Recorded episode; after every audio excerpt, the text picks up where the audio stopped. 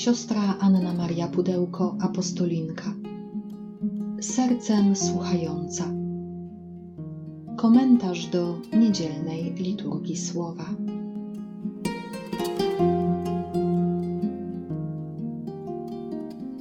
Z Ewangelii według świętego Łukasza. Jezus powiedział do uczniów: Pewien bogaty człowiek miał rządcę, którego oskarżono przed nim, że trwoni jego majątek. Przywołał więc go do siebie i rzekł mu: Cóż to słyszę o tobie? Zdaj sprawę z twego zarządzania, bo już nie będziesz mógł zarządzać. Na to rządca rzekł sam do siebie: Co ja pocznę, skoro mój pan odbiera mi zarządzanie? Kopać nie mogę, żebrać się wstydzę. Wiem już, co uczynię, żeby mnie ludzie przyjęli do swoich domów, gdy będę odsunięty od zarządzania. Przywołał więc do siebie każdego z dłużników swego pana i zapytał pierwszego: Ile jesteś winien mojemu panu? Ten odpowiedział: Sto beczek oliwy. On mu rzekł: Weź swoje zobowiązanie, siadaj prędko i napisz: pięćdziesiąt. Następnie pytał drugiego: A ty ile jesteś winien? Ten odrzekł: Sto korców pszenicy.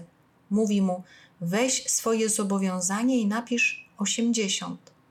Pan pochwalił nieuczciwego rządcę, że roztropnie postąpił, bo synowie tego świata roztropniejsi są w stosunkach z podobnymi sobie ludźmi niż synowie światłości.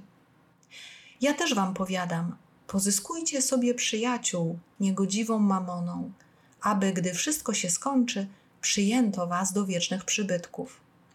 Kto w bardzo małej sprawie jest wierny, ten i w wielkiej będzie wierny, a kto w bardzo małej sprawie jest nieuczciwy, ten i w wielkiej nieuczciwy będzie. Jeśli więc w zarządzaniu niegodziwą mamoną nie okazaliście się wierni, to kto wam prawdziwe dobro powierzy? Jeśli w zarządzaniu cudzym dobrem nie okazaliście się wierni, to któż wam da wasze? Żaden sługa nie może dwom panom służyć, gdyż albo jednego będzie nienawidził, a drugiego miłował, albo z tym będzie trzymał, a tym wzgardzi. Nie możecie służyć Bogu i mamonie. 25. niedziela zwykła. Jezus zaprasza nas do wielkiej przejrzystości, wolności i ewangelicznego radykalizmu. Nie możecie służyć Bogu i mamonie. Nie może być tak w moim i Twoim życiu, że świecimy Panu Bogu lampę, a diabłu ogarek, trochę tu, trochę tu, bo będziemy przepołowieni, rozjechani, wręcz podzieleni wewnętrznie, niezintegrowani. Możemy się dzisiaj zapytać, czy Jezus pochwala brak uczciwości, bo słyszymy, że Pan pochwalił nieuczciwego rządcę, że roztropnie postąpił. Jedną z możliwości wytłumaczenia tej przypowieści jest taka. Każdy rządca, podobnie trochę jak celnicy, dodawał pewien procent do długu, który Pan posiadał. I zazwyczaj ten procent był na tyle wysoki, że część wpadała do kieszeni samego zarządcy. Więc kiedy Pan chce zwolnić owego zarządcę, on w pewien sposób nie okrada swojego Pana, ale rezygnuje, możemy powiedzieć, z tego, co sam sobie przypisał, na korzyść swojego Pana, ufając, że potem ci, którym zmniejszył ten dług, z wdzięcznością przyjmą go, gdy on będzie potrzebował. Czyli to nie nieuczciwość jest e, chwalona przez Jezusa, ale odwaga nawrócenia.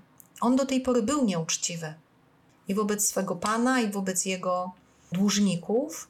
W tym momencie, kiedy widzi, że musi zakończyć tą posługę i musi zadbać o swoje życie, zawalczył o prawdę, czyli zrezygnował z tego, co sam sobie przypisał, a przypisywał sporo, jeżeli potrafi zrezygnować z 50 beczek oliwy czy z 20 korców pszenicy. I warto też, abyśmy siebie pytali, czy my potrafimy być hojni, czy my mamy odwagę nawrócenia, czy my, kiedy zauważamy nasz błąd, chcemy dążyć do prawdy. Uczciwość, prawość, przejrzystość jest w życiu czymś niesamowicie ważnym. I tu nie ma wielkich i małych spraw. Nie możemy powiedzieć, dobrze, ten jeden raz teraz sobie pozwolę, jak będzie coś większego, to, to już naprawdę zrobię to uczciwie. Nie, nie zrobię tego uczciwie. Jezus mówi nam bardzo wyraźnie: jeśli w maleńkiej rzeczy będziesz nieuczciwy, nieprzejrzysty, jeśli w maleńkiej rzeczy będziesz oszukiwać, nie łudź się, w wielkiej też zawiedziesz, też oszukasz. Życie tak naprawdę tworzą małe rzeczy. W nich i po nich rozpoznajemy serce człowieka. Na to też uwrażliwia nas prorok Amos w pierwszym czytaniu dzisiejszej liturgii. Słuchajcie tego wy, którzy gnębicie ubogiego, a bezrolnego pozostawiacie bez pracy, którzy mówicie, kiedyż minie nów księżyca, byśmy mogli sprzedawać zboże i kiedy szabat, byśmy mogli otworzyć spichlerz, a będziemy zmniejszać efę, powiększać cykl i wagę podstępnie fałszować. Będziemy kupować biednego za srebro, a ubogiego za parę sandałów i plewy pszeniczne będziemy sprzedawać.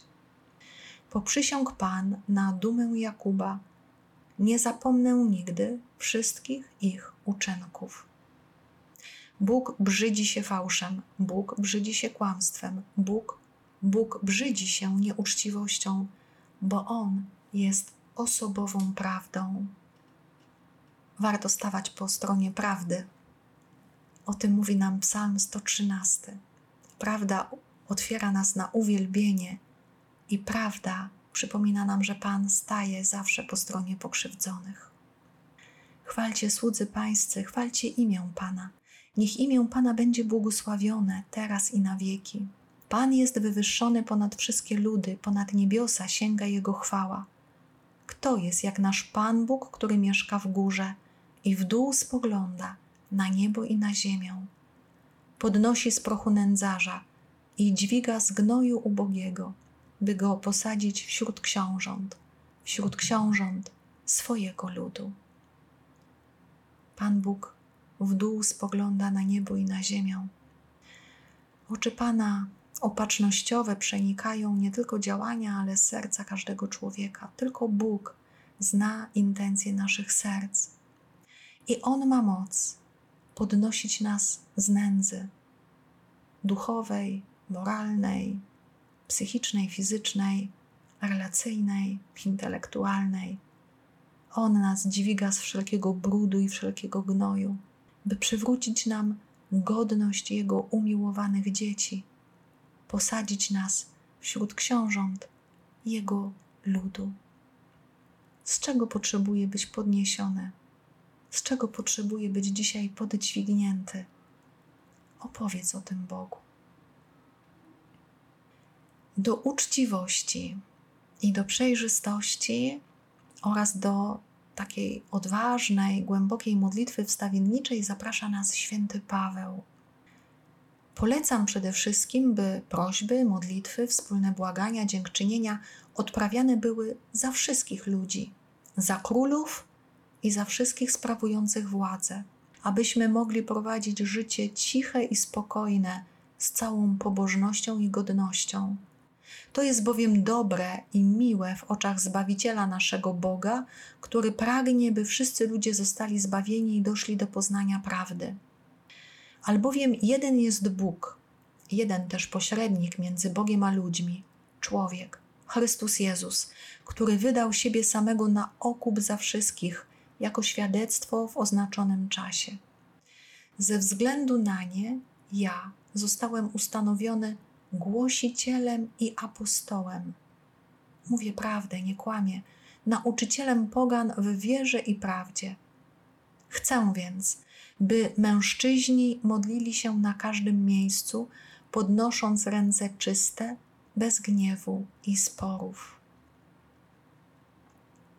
W ludzie Bożym, w narodzie wybranym, w Izraelu, mężczyźni byli odpowiedzialni za kultywowanie wiary, za liturgię synagogalną, za przekazywanie wiary. Dlatego Paweł mówi: Chcę, by mężczyźni modlili się na każdym miejscu, podnosząc ręce czyste, bez gniewu i sporów. Ręce czyste, czyli te, które nie zbrukały się złem, oszustwem, złodziejstwem, kradzieżą, nieuczciwością.